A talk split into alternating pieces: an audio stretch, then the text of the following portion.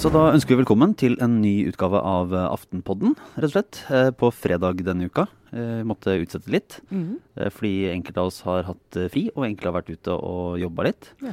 Eh, I vårt studio i dag, Trine Eilertsen, politisk redaktør. God dag. God dag, god dag. Og jeg, Lars Glomnes. Eh, For de som lytter ofte, så vet jeg at eh, Sara Sørheim pleier å være med. Men nå har vi rett og slett satt ned foten og sagt at nok er nok. Uh, nå har jeg hatt så mange uker med den der masete ungen som har ligget rundt på gulvet her og vært en sånn eh, HMS-fare og en forstyrrelse.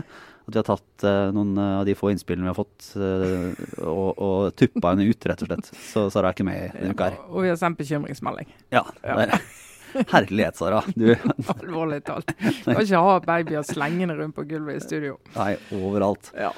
Så, men vi, vi har eh, Hva skal vi si om denne uka, sånn overordna sett? Det er en politikkuke. ja, det er jo en politikkuke. Litt sånn, for, for oss utenfra så ser det litt sånn stillestående ut. For de prøver jo å bli enige om eh, budsjett, eh, statsbudsjett, eh, våre venner i regjeringen og støttepartiene. Det er et vedvarende høyt eh, spennings- og konfliktnivå. Ja, egentlig vært noenlunde det samme siden uken før budsjettet ble lagt frem og Erna Solberg og Siv Jensen eh, ga sitt ultimatum og sa det at dette er bensinpakken. og Sånn Mm. blir det. Men eh, det kommer vi litt mer tilbake til, egentlig. Eh. Fordi vi starter jo med eh, den andre ja, Jeg vet ikke om det er en store sak, akkurat. Men, eh, men apropos eh, småbarnsmødre som Sara Sørheim. eh, som, som mange trodde var en del av den såkalte feministeliten. Men hun har jo da fulgt Sylvi Listhaugs oppfordring eh, straks. Og kommet seg hjem og ut av, eh, hjem, og ut av studio. Og passer hele barna der. enn å- på heltid. Ja. Nei, eh, for Sylvi Listhaug har jo da rett og slett startet en blogg. Eh, Er det sylvilisthaug.com? Ja, jeg, jeg husker ikke hva, hva det var den het, men den heter sikkert noe sånt. Der går hun jo starter hun jo høyt på banen med å fortelle eh, Vi vet jo at hun er gravid. Hun og mannen har vært på ultralyd. Og hun teaser i teksten med at vi skal få vite kjønnet på slutten. Og jeg leste i hvert fall helt ned. Jeg gjorde det. Her trenger du ikke å følge med helt til slutten av podkasten. Vi Nei. sier det med en gang. Det skal bli en gutt. Det blir en gutt. Det blir en gutt. Og, eh, men i denne så benytter hun jo anledningen til å gjøre rede for hvordan hun og mannen skal fordele permisjon, og når hun skal ha tenkt seg tilbake på jobb. og Eh, og komme med ikke så få spark til den såkalte feministeliten, som er ukens nyord, vil jeg si. Eh, og Det er da ifølge Sylvi Lysthaug de som eh, egentlig bestemmer, og, altså meningsbærer. Litt sånn Ja, egentlig setter premisset for hvordan folk skal leve livet sitt når de har små barn, og det er hun lei av. Og så er hun eh, Hun har vel kanskje Det er en litt glidende overgang mellom den, den faktiske makten, altså pappakvoten, og, og den, de kravene, og den litt sånn det hun mener er litt moralske overlegenheten, da, som, som mange på venstresida og klassiske feminister har om, om hvordan man eh, vil uttale seg om andres liv, og hvordan de bør leve dem. Mhm. Og det som jeg tror eh, altså mange reagerer jeg tror, jeg tror dette har klangbunn hos mange, bare for å si det. Jeg tror det har klangbunn hos mange, for jeg tror det er en god del familier som, som sitter hjemme og har de diskusjonene med disse permisjonsukene og diskuterer hva passer for oss. Du har den jobben, jeg har den jobben, jeg har akkurat fått ny jobb, jeg må begynne, jeg må komme tilbake i en rastejobb. Eh, jeg, jeg kan godt være hjemme litt lenger. Så de sitter og prøver å pusle det til. Eh, og en god del av de blir ganske provosert hvis noen skal komme inn og mene om hva som er riktig og hva som er galt. Og de kan kjenne litt på det der at noen mener at du bør dele permisjonen i to. og, og det, er jo, det, det er jo disse noen da som eh, Sylvi Listhaug, uten å helt navn, navngi de, kaller for feministeliten. Og så når hun blir konfrontert med det, så er det jo egentlig folk i Arbeiderpartiet hun tenker på, eller venstresiden. da, eh, Som mener er veldig sånn dømmende overfor de som ikke velger riktig. Det tror jeg har en viss klangbunn. Men det som er hun egentlig får mest kritikk for, det er jo at hun har så total mangel på hva skal jeg si, takknemlighet overfor de som har gått opp løypen før. da, Generasjonen før, de politikerne før og de kvinnene før som har gått opp løypen i, i, i spørsmål om permisjon og barnehageplasser. og Mm. Deling og Men og det man i hvert fall, eh, i hvert fall ser, eller det, vi har jo snakket mye om, om Sylvi Listhaug i Aftenpodden tidligere. Hun er, hun er jo en, på en måte et, et bilde på vår tid, eh, og, og vi har jo tidligere sagt at hun nå ligger godt an til å, til å gå inn i Frp-ledelsen og potensielt ta over etter Siv Jensen. Og mm, det er vel noe Altså denne, denne bloggen viser seg jo Det er nok en brikke i hennes ganske, ganske gode PR-spill, da. mm. Der hun også klarer å, å nå etablere seg, eller forsøksvis, veldig tydelig på den da antielitistiske linja. Og det, det, ser jo nesten ut til å være en, eh, et slags misjon med denne bloggen. Da. I hvert fall basert på de to første innleggene. som er Det ene er da denne om, om uh, foreldrepermisjon, og, og, neste er da om, om sånn julegudstjenester. Ja. Og det og det, det, som er litt fascinerende med Sylvi Listhaug, det er jo timingen. For timingen er perfekt. Det er uken etter at uh, Donald Trump vant valget i USA, og der alle velter seg i en kritikk av eliten som ikke forstår hva folk flest egentlig er opptatt av, verken i USA eller noen andre steder. Eh, og så gjelder det da å ta det hjem så raskt som mulig. Det er det jo nå konkurranse om. Det er jo ikke en politiker som ikke skal eh, kommentere at eh, her har vi et problem piske også i Norge. Piske seg selv over eliten litt. Skal vi piske mm -hmm. oss selv, og så skal vi si det at eh, vi er alle elite. Vi som uttaler oss om noe som helst, vi er elite, og vi forstår ikke egentlig folk, og nå må vi tenke annerledes. Og så kommer Sylvi Listhaug og sier det er helt riktig, men det er noen som forstår det, og det er oss i Fremskrittspartiet, og det er meg. Og det er en sånn hva skal jeg si, markedstilpasning som er ganske ganske genial. Jeg tror det har klangbunn. Og så viser en utrolig sånn konflikt mot Arbeiderpartiet, som også er ganske genial. For Arbeiderpartiet definerer raskt denne elitediskusjonen som en klassediskusjon. Eh, det handler om inntekt, det handler om eh, bosted, det handler liksom om de sånn klassiske skillelinjer. Men Sylvi Listhaug avfeier det og får det til å handle om verdier. Rett på. Og mm. det går jo inn i ja, i og for seg det man ser også amerikanske, eh, amerikanske valgkampen og i store deler av Europa. Den bevegelsen bort fra det økonomiske perspektivet og inn i en sånn verdivinkling. da. Det diskuterer de jo i Sverige òg, ja, så vidt jeg har skjønt. Lars. Er, du, kan, jeg kan benytte anledningen til å komme litt tidlig med, med en anbefaling av en, en podkast fra Sverige som jeg syns er veldig god, eh, nemlig Lilla Drevet. Som er en sånn en halvsatirisk, kommenterende samfunnspodkast. Som til og med de hadde en liveopptreden i Bergen i forrige uke, eller denne uka. Eh, men der tar de opp mye ganske nerdete, men morsomme ting. Og det liker vi. Eh, blant annet så har de hatt flere utgaver de siste, siste månedene om, om, vridningen nettopp fra en sånn økonomisk akse til en mer verdibasert akse. da. Og det som eh, de og en del statsvitere nå snakker om, er den såkalte Galtan-skalaen, som tar over fra høyre-venstre-aksen. Altså der man enten er gal eller tann. Eh, der gal er grønn, eh, liberal alternativ. Og Tann er tradisjonell, eh, autoritær og nasjonalistisk, hvis jeg har klart å huske alle disse riktig. Eh, men dette tegner seg da som et, eh, som et skille som etter hvert får større betydning enn det økonomiske. Eh, og man ser at flere og flere partier plasserer seg på den skalaen heller enn å egentlig være tydelig økonomisk på den ene eller andre retningen. Og da får du partier som ja, på, på høyresiden så vil du jo få eh, som Fremskrittspartiet, da, f.eks., som, som, eh, som da vil være, på en måte, går mer på selv om de er et liberalistisk parti, så vil det gå mer på tradisjon og øh, nasjonalitet øh, på mange måter. Og på den, øh, for eksempel De Grønne vil jo da være på den grønne og liberale og liksom mer alternative skalaen. da. Så vil de ulike partiene plassere seg forskjellig på den aksen. Men Arbeiderpartiet er jo et parti som i stor grad fortsatt forholder seg til høyre-venstre. Mm. Og det ser du litt interessant i møtet mellom Arbeiderpartiet og Sylvi Listhaug. Når Sylvi Listhaug definitivt plasserer seg på en sånn ja, på mer verdibasert politisk mm. kommunikasjon. Da, der hun ikke snakker om uh, inntekt eller skatt som sådan, men, om identitet og ja, tradisjoner og hvordan man vil og bør leve, og oppfatningen om en, ja, ulike, en slags sånn kulturkamp. Og er det jo, Hun var jo i debatt med Haja Tajik i, Politisk kvarter i NRK denne uken. og Haja Tajik understreker jo, som mange har gjort, at ja, men Sylvi Listhaug er jo så til de grader en del av eliten. Hun kjører svart bil, hun sitter ved kongens bord, hun, eh, hun er mann og god inntekt. Det er på en måte ingenting ved hennes liv som tilsier at ikke hun er en del av eliten. Og Det avfeier Sylvi Listhaug fullstendig og sier men dette handler ikke om hvor du bor. Og, og bare parkerer den dimensjonen. Det er Eh, det er den reaksjonen, og den som kom fra Trond Giske også etter Trump-seieren, hvor han eh, sier at eh, du hører flere vulgariteter fra Frp enn du har hørt fra Donald Trump. Og du vet, Det er en gave til Sylvi Listhaug som kan si der ser dere, der er eliten sparka på oss igjen. De sparker på folk Ser flest. Ser ned på oss vanlige folk Ser som prater som folk flest. Og vi som prøver å ytre en bekymring for at ikke alt går i riktig retning i dette samfunnet. Vi blir parkert som vulgære. Altså deplorables som eh, Hillary Clinton kom til å si i valgkampen.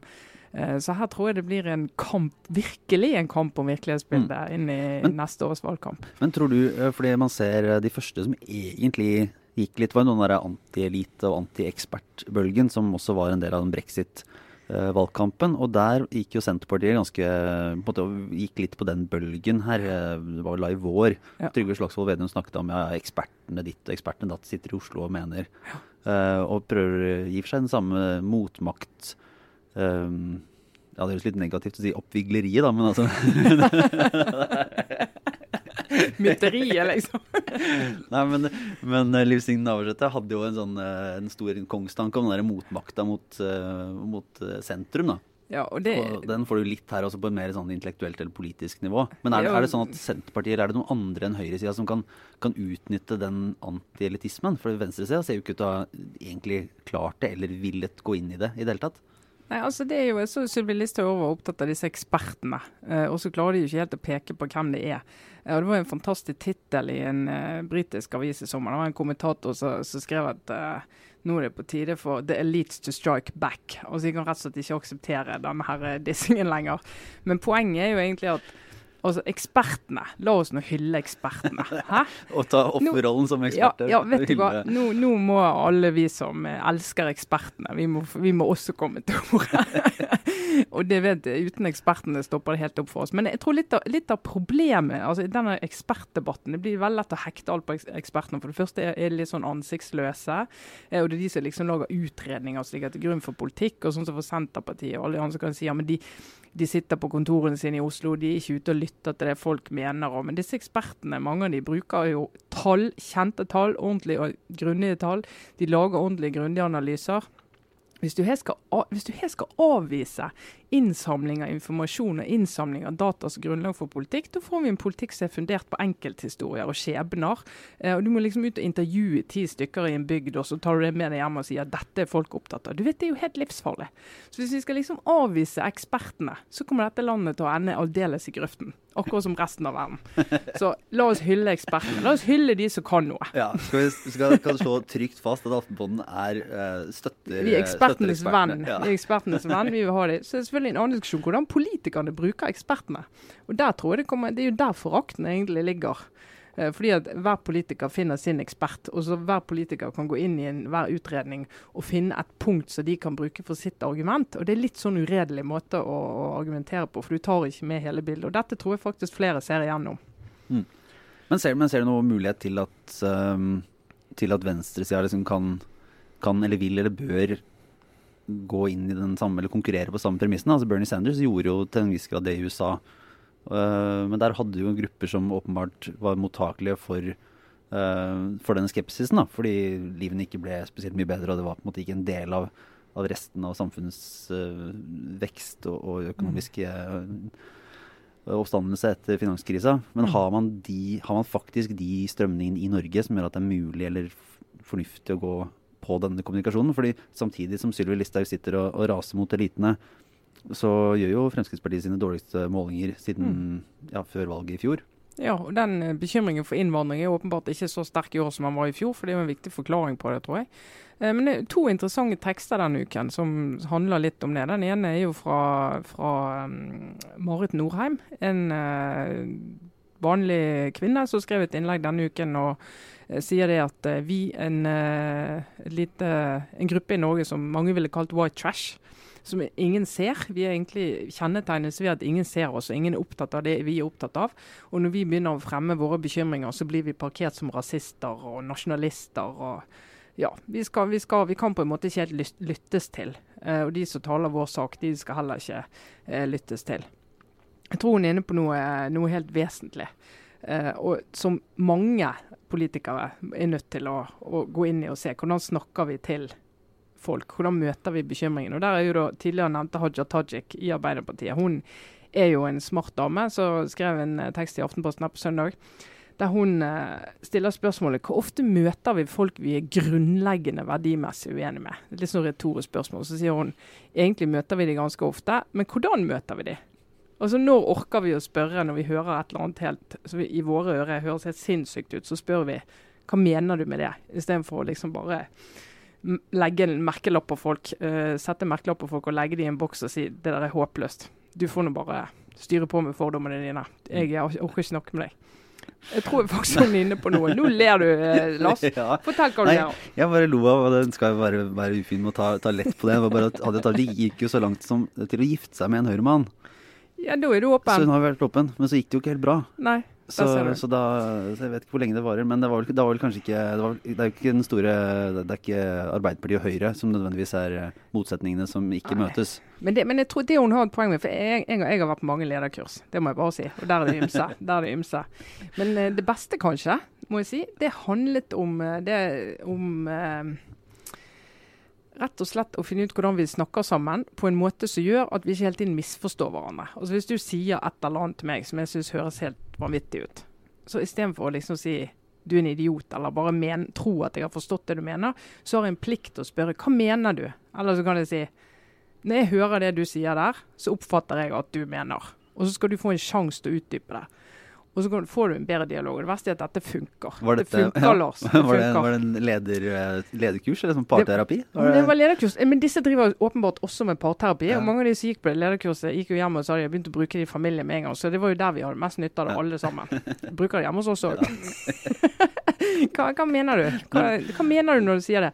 Men min poeng er egentlig at eh, litt det Haja Tajik var inne på, at liksom, det er jo måten å snakke sammen på. Jeg tenker, Og vi i pressen er jo en, en viktig del av det. Det er jo veldig lite rom i norsk politikk for, eksempel, for å formulere seg litt sånn klønete, særlig hvis du er fra Frp. sant? Så du formulerer litt klumsete og ikke har gått på universitetet i mange år og liksom er helt sånn Jonas Gahr Støre-perfekt med ordvalget. Så blir du med en gang, før noen spør hva mener du egentlig, så blir du liksom tatt til inntekt for at du er fullstendig på jordet. Og det er en sånn debattform så jeg tror en del der ute, de Sylvi Listhaug treffer eh, planken hos, de sier at det der kan jeg kjenne meg igjen i. Mm. Det kjenner jeg meg igjen i. Men der, der møtte jeg meg sjøl litt i døra, for jeg er jo til dels en tilhenger av den journalistiske metoden å tolke folk i verste mening.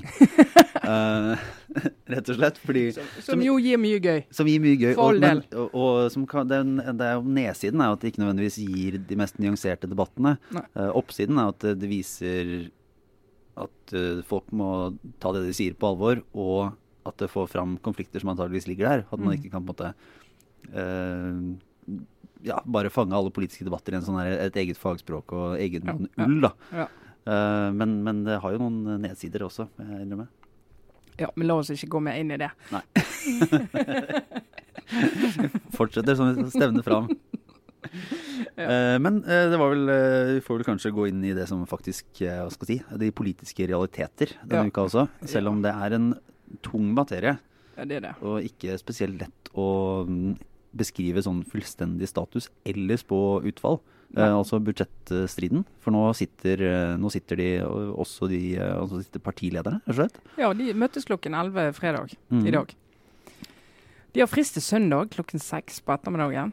Ja. Eh, Det er en sånn klassisk frist som ja, kan dyttes Som alle vet ikke gjelder, holdt Mm. på å si. Eh, så de er i hvert fall forberedt på å jobbe gjennom natten, så vidt jeg har skjønt. Men eh, det at de møtes på partiledernivå, det viser jo at på en måte stortingsgruppen har kastet litt kortene og sier vi kommer ikke lenger nå. Eh, og kjernen, krukset, er jo det her uh, berømte ultimatumet fra uh, Siv Jensen og Erna Solberg på bensinavgifter. og alt sammen med bil å gjøre. Og måten de skulle kompensere bilistene på. Så ikke det skulle svi så veldig. Så det ble da regnet som en sånn lettelse for bilistene på nesten en milliard kroner. Rød klut overfor Venstre. Og KrF de henger i hopetak med Venstre, så de eh, er, står sammen med de. Selv om KrF sa Ja, det gjelder også De- litt sånn Det er litt sånn tolke folk i verste mening-aktig øvelse. Men, Ja. men eh, Knut Are Hareide gikk jo måtte, Han måtte jo erkjenne at dette var ikke noe ultimatum for KrF. Så de var villige til å forhandle om Ja. andre deler av dette budsjettet og la bilavgiftene ligge. Jeg- Men selv om det ville være vanskelig. For, når du så på alternativt budsjett til KrF, så tenkte vi med en gang at de kan bli enige med regjeringen på tre kvarter. Det er bare ikke Mm. noe problem. Dette har helt sikkert regjeringen tatt uh, altså det har helt sikkert tatt høyde for at de skal gi KrF litt på en sånn familiegreier og sånt. Uh, og så, uh, så KrF og de, KrF er jo ikke helt enig med Venstre heller i den uh, veibilpolitikken. De har liksom en del av de miljøavgiftene som ligger i den pakken. De syns jo KrF egentlig de kunne fint levd uten de også, og kunne funnet en enighet. Eh, men de vil jo ikke splitte lag med Venstre. Og jeg tror når Knut Arild Hareide sier det han sier, så er det for å legge press på begge sider, egentlig. Og så jeg mener at det, er, det må være mulig å, å, finne noe rom her, også for vår kjære partner in crime, Venstre. Må være villig til å se på flere ting. Og jeg vet jo også Regjeringspartiene har jo tenkt at denne pakken ligger fast. en sånn veldig sånn sirlig sammenpuslet pakke på bilavgifter som Frp skal kunne svelge. og De kan ikke liksom endre på noen biter i den uten at det blir fullt opprør i baklandet der. Så vi må gi dem noe på andre steder, andre miljøområder. Men det er ikke godt nok for Venstre. Jeg tror kanskje Høyre har undervurdert hvor hvor hardt Venstre har tenkt å stå på det. Åpenbart, da når de kom så langt som de kom til og ikke har funnet noen løsning på det. Mm. Men det skal jo sies at eh, det at det heves opp på partiledernivå, det har vel, eh, det har vel vært gjort hvert år? Ja, det var krise i fjor, og det er flere ja. som sier det var mye større krise i fjor. Så Da var det virkelig sånn at de holdt på å bare kaste kortene og si mm. at det går ikke. Uh, og en del mener jo faktisk at krisen var større i fjor enn det vi fikk vite. Så mm. krise er tradisjon for det. Ja.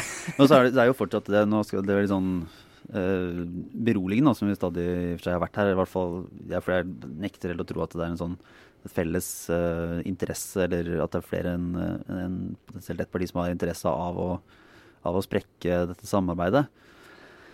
Og det har jo da en det er, jobber etter en viss dramaturgi nå opp mot disse fristene.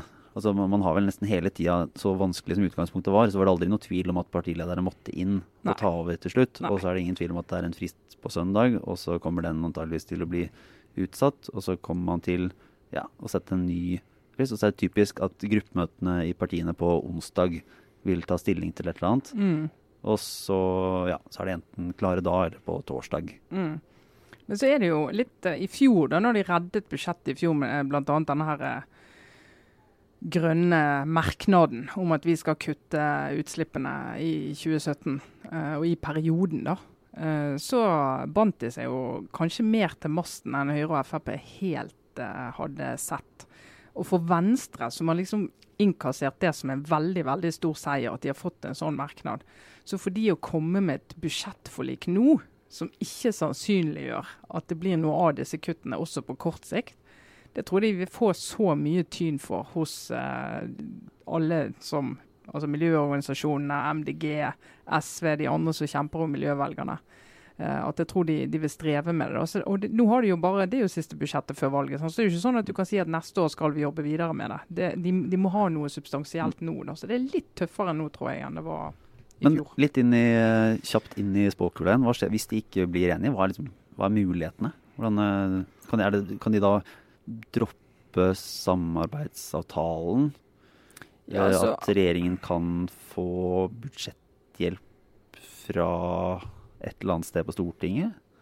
Altså Budsjett blir det jo på et eller annet ja. vis. da De jo, pleier jo å fikse det, disse politikerne, uansett hvor kritisk det er. Men, eh, men det er jo, altså plikten, den forpliktelsen i samarbeidsavtalen er at de først skal søke enighet hos Venstre og KrF.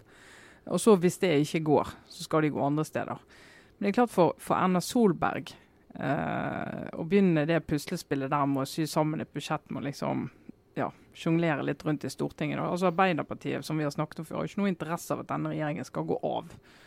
Eh, men det vil gjøre at de vil gå så langt som å bidra til at de får seg et budsjett. Men det er klart det er ting inni her som, som stykkevis og delt de kan få flertall for. Ja. Arbeiderpartiet kan ikke gå til valg neste år på et budsjett altså, mot, et, mot, et, budsjett de har vært med på å dytte gjennom Stortinget. De, de, har, de, de, har, hjulpet én gang før, for mm. lenge siden. Og de har hjulpet uh, Høyre KrF med et budsjett, men uh, det er vel ingen som forventer at de skal gjøre det igjen. Nei, vi får bare altså, gi opp synsinga og vente. Ja, gi opp synsinga. Vi ja. satser på at det blir budsjett. Ja. Vi satser jo på det. Det er så mange som har interesse av det. Så får vi se hva det koster. Men det er jo, det, det, er jo, eh, det var vel eh, vår, eh, vår dyktige Fridtjof Jacobsen i VG som, som, skrev en sånn lakonisk på Facebook her en av dagene at i året med brexit og uh, Trump, så er det jo en viss mulighet for at det blir et brudd i den norske regjeringen og samarbeidet, selv om egentlig ingen vil det. Det er jo på en måte, det er det er, det er, nå ting skjer, tydeligvis, som ja. ikke nødvendigvis klarer å bli forutsett. Men vi, eh, vi, runder av den, og så har vi litt eh, obligatorisk refleksjon. Ja. Ikke det? Ja. Jeg tenkte, jeg må, Det er sikkert en som har fått det med seg, men jeg tenkte likevel jeg skulle snakke varmt for The Crown. Ja. Og, og, bare for en gang få parkert all mistanke om at serien The Crown som går på Netflix nå, alle episodene ligger ute. Eh, de som måtte tro at det er bare et vanlig kostymedrama, Det er, det er meg. Ja. sånn som du, ja, de, eh, de må rette seg opp i ryggen og høre etter. Eh, For ja, det er et fantastisk kostyme, kostymesamling. altså. De har til og med gjenskapt brudekjolen til dronning Elisabeth. og helt, helt detalj for detalj med alt det fører med seg. Så er det jo politikken i dette, og historien om det britiske samfunnet etter krigs-Storbritannia, eh, som blir fortalt liksom ståsted kongehuset, ståsted dronning Elisabeth. Og vi møter Churchill i all hans velde og arroganse, og det er Men går de, går de inn, er det på en måte dokumentarisk, eller går de Jeg mener at det her er jo liksom, det har jeg bare lagt på utsida av mitt interessefelt, så jeg har ikke tenkt at det har vært så veldig aktuelt i det hele tatt. Men er det, ja, følger de virkelighetene hendelser, hendelser, eller er det De bare lager de det- intriger? Det, det jeg har gjort, da, eh, for siden jeg sitter eh, Det er sånn jeg ser på TV. Så sitter jeg og ser på en sånn serie så det står er basert på virkelige hendelser. Så det er selvfølgelig masse av dialogen mellom eh, dronning Elisabeth og hennes nærmeste. Så vi har jo ingen anelse. Sannsynligvis var det overhodet ikke sånn det foregikk. Men, de, men de har laget et godt drama av det, og rammen er virkelige hendelser. Og jeg sitter jo med iPaden min og googler alle hendelsene for å se om de faktisk skjedde, og se hva som skjedde i virkeligheten. Og det, de ligger tett opp til det. Blant annet en historie om The London Fog. Da liksom London holdt på å bli kvalt av uh, giftig, til dels giftig tåke. Eh, Med masse sånn forurensende tåke. Og Churchill sin eh, unnfallenhet for å både gjøre noe i forkant, og hvor lang tid det tok før han grep inn og begynte å jobbe med en lov. Og dronningens rolle i det, og liksom hvordan regjeringsmedlemmer gikk til dronningen for å klage på Churchill, for han hadde begynt å bli gammel og surret og hadde liten arbeidskapasitet. Og vi får med en del sånne ting som vi vet skjedde sånn i stort, men hvor vi ikke helt kjenner detaljene. da. Uh, og fantastiske skuespillere. Amerikanske John Lithgow som spiller uh, Churchill. Og bare det, eh, motorikken hans og fysikken hans og, og språket. han går vel inn i, hva skal jeg si, han fungerer i den rollen, jeg tror. Han fungerer svært godt i den rollen, hun som spiller dronning Elisabeth. og Det er helt, helt overlegent. Så jeg vil bare, alle som er interessert i, i britisk politikk, britisk historie, denne, denne litt sånn falmede stormakten som vi nå møter etter krigen, som eh, begynner å ta inn over seg at USA begynner å bli overta rollen, ikke helt har erkjent at det er sånn det er. Eh, det er spennende, altså. Ja, så- Anbefales. Ja, men da, ja, jeg må nesten få sett litt på det. Jeg skal, skal følge den. Men eh, min eh, lille obligatoriske refleksjon Jeg kan jo eh, først starte med en liten anbefaling. Eh, for de av oss som har eh, levd oss gjennom en lang amerikansk valgkamp og vært avhengig av diverse podkaster som nå ja, ikke nødvendigvis framstår som like innsiktsfulle som de gjorde. Akkurat som oss. Akkurat som oss. Uh, og kanskje har fått litt nok av uh, Nate Silver og 538. uh, den, uh, altså valgguruen som, eh, som i hvert fall ikke traff helt. Så kan jeg bare anbefale den eh, andre 538-podkasten de har. Som er en, en, en sportspodkast som heter Hot Takedown. Som rett og slett har hatt en kul dokumentarserie nå om foregangspersoner i sport. Og folk som tar på en måte idretten sin videre via eh, enten teknologi eller bare nytenkning, da. Så der har jeg bl.a. kunnet ta gleden av å høre om de to første kvinnene som begynte med en double-handy backhand i tennis. Ja. Uh, som er en fornøyelig liten historie. Og den første amerikanske NHL-treneren som begynte å hente russere til, uh, til amerikansk hockey. Så det er bare det er noe helt annet, men det er fortsatt eh, velprodusert og godt. Eh, og så tenkte jeg ellers at jeg nå er, eh, jeg er ivrig på å se hvordan det skal gå med den nye Minerva-avisa. Ja. Som er varsla. For det skal rett og slett komme en ny Det som eh, omtales som en, en måte, fullverdig nettavis. eh, finansiert av eh, ja, høyresympatiserende rikinger fra, fra Oslo og omegn. Blant annet eh, Felix Tschudi, har det ikke det? Jo, det så sånn ut. Jonas Gahr Støres eh, gamle venn. Oi, oi. Eh, og Andresen og, og diverse. Eh, og det, er bare, det blir interessant å se hva et nytt eh, tilskudd til eh, denne medievirkeligheten kan, kan gi, og hva det vil bli. Det er jo en eh, Det er interessant å se om de klarer å lage en ordentlig avis, tenker jeg da. Altså jeg mener Sånn som Klassekampen har jo en, en, en god avis med et, med en, med et klart uh, standpunkt. Men som der nyhetsjournalistikken er veldig er uavhengig og kritisk og god, rett og slett. Eh, Men, men de har jo også et ståsted i nyhetsjournalistikken. Et ståsted der uh, og jeg, jeg abonnerer på Klassekampen, leser hver dag. Jeg syns det er kjempeinteressant. Ikke minst fordi at ståstedet er ofte et annet enn jeg kanskje ville tatt. Uh, og da får jeg inn perspektiver som jeg ikke har tenkt på. Og de er ganske konsekvente. altså si Måten de har dekket kommunereformen på. Så dekningen deres er at dette er en dårlig idé. Mm. Det er utgangspunktet. Og så jobber de langs de aksene der, så du får ikke noe sånn særlig saker om at det er en god idé. Uh, og det, Du får inn masse kritisk journalistikk rundt det som er viktig og relevant. Så får vi se om Minerva klarer å gå inn i for det er blant annet så Nils August Andresen sier at de har lyst til å gå inn og problematisere bl.a. offentlig pengebruk. For det er mange mm. av oss, det tror jeg jeg kan kjenne meg litt igjen i, mange saker vinkles jo som her har du et problem. Hvilken politiker har tenkt å løse det med en eller annen bevilgning? Mm. Uh, og så er, kommer bevilgningen, og så på en måte saken løst. Mens Minerva sikkert vil spørre oh, jeg bare, jeg bare, er det et problem, ja. eller Jeg bare håper så inderlig at ikke de hiver seg på den derre uh, formuesskattens uh, utfordringer, og at det blir en sånn derre Hva heter den? Jarle Aabøs eh, nei til skatt.no? Som var siste, sånn, siste forsøket på en, en Jeg vil ikke tro Andresen legger seg der, da. Nei. Jeg vil ikke tro det. Han er jo for smart til det. Men, men jeg, jeg syns jo det er, det er, en interessant idé. Nå, nå leder jo jeg mediestøtteutvalget, kan jeg bare nevne. sånn at jeg kan jo ikke mene så mye om denne. De sier jo de skal søke om pressestøtte. Jeg leder jo det utvalget som sitter og fordeler den støtten. Mm. Det er et sånn utvalg som blir nedsatt av Kulturdepartementet uh, og jobber for, uh, for, Medietilsynet. Så det er en sånn offentlig utvalg, så jeg har rolle i det. Så jeg kan ikke mene om de skal få pressestøtte eller noe sånt, men jeg regner med at søknaden kommer på bordet. Mm. Men, men, vi er jo for flere aviser i Norge, da, med forskjellig profil, sånn generelt. Det er vi. Ja, og for, for ny, god, faktisk kritisk nyhetsjournalistikk. Ikke minst så er det interessant å se hva de kommer til å gjøre på det politiske feltet. Om de kommer til å gå inn i ja, det løpende, eller, mm. eller, om de kommer til å være mer analyserende og meningsstoff. Ja. Jeg synes, Du har jo denne Agenda-magasinet, mm. men det syns jeg blir litt mye sånn leserinnleggete stoff, egentlig. Ja. Ja. Eh, har liksom ikke helt den nyhetstemperaturen som jeg syns at det tilfører Når du får mail, og så tenker du dette skal jeg kikke på når jeg får tid i helgen, og det er jo ikke alltid et så godt symptom, da. Men eh, det får vi nå se på. Uh, var det noe uh, annet vi skulle si nå. Så hilse til eh, Sara som Hilse til Sara eh, som uh, er mor på heltid. Ja, tatt, tatt naturens oppdrag på alvor. Ikke, Men vi, vi, regner med at hun er tilbake om ikke altfor lenge, da. Ja. Det, det, gjorde inntrykk på Sara, den Listhaug-bloggen. Det vet jeg. Får være grensa, Sara. Så Sara nå hjemme, Ta det forkleet. Hjemme med, hjemme med barn, og så sitter hun på sånn julegudstjeneste etter julegudstjeneste. Ai, ai. Nei, vi får takke for oss eh, for denne gang, rett og slett. Uh, og så uh, for de som har fulgt oss så langt, uh, hva er det de sier? De får legge igjen en sånn rating på iTunes hvis det, man følger med. Og skrive en sånn hyggelig kommentar. Det kan jeg love. Vi leser alt. Ja. Vi leser alt. Helt skamløst. og følg oss på Facebook, da selvfølgelig, der vi, der vi holder på. Og anbefale oss til en venn og alt mulig rart. Ja. Og så, så, får vi se. Men god helg og ha det bra. Det var Trine Eilertsen og jeg, Lars Lommes Ha det.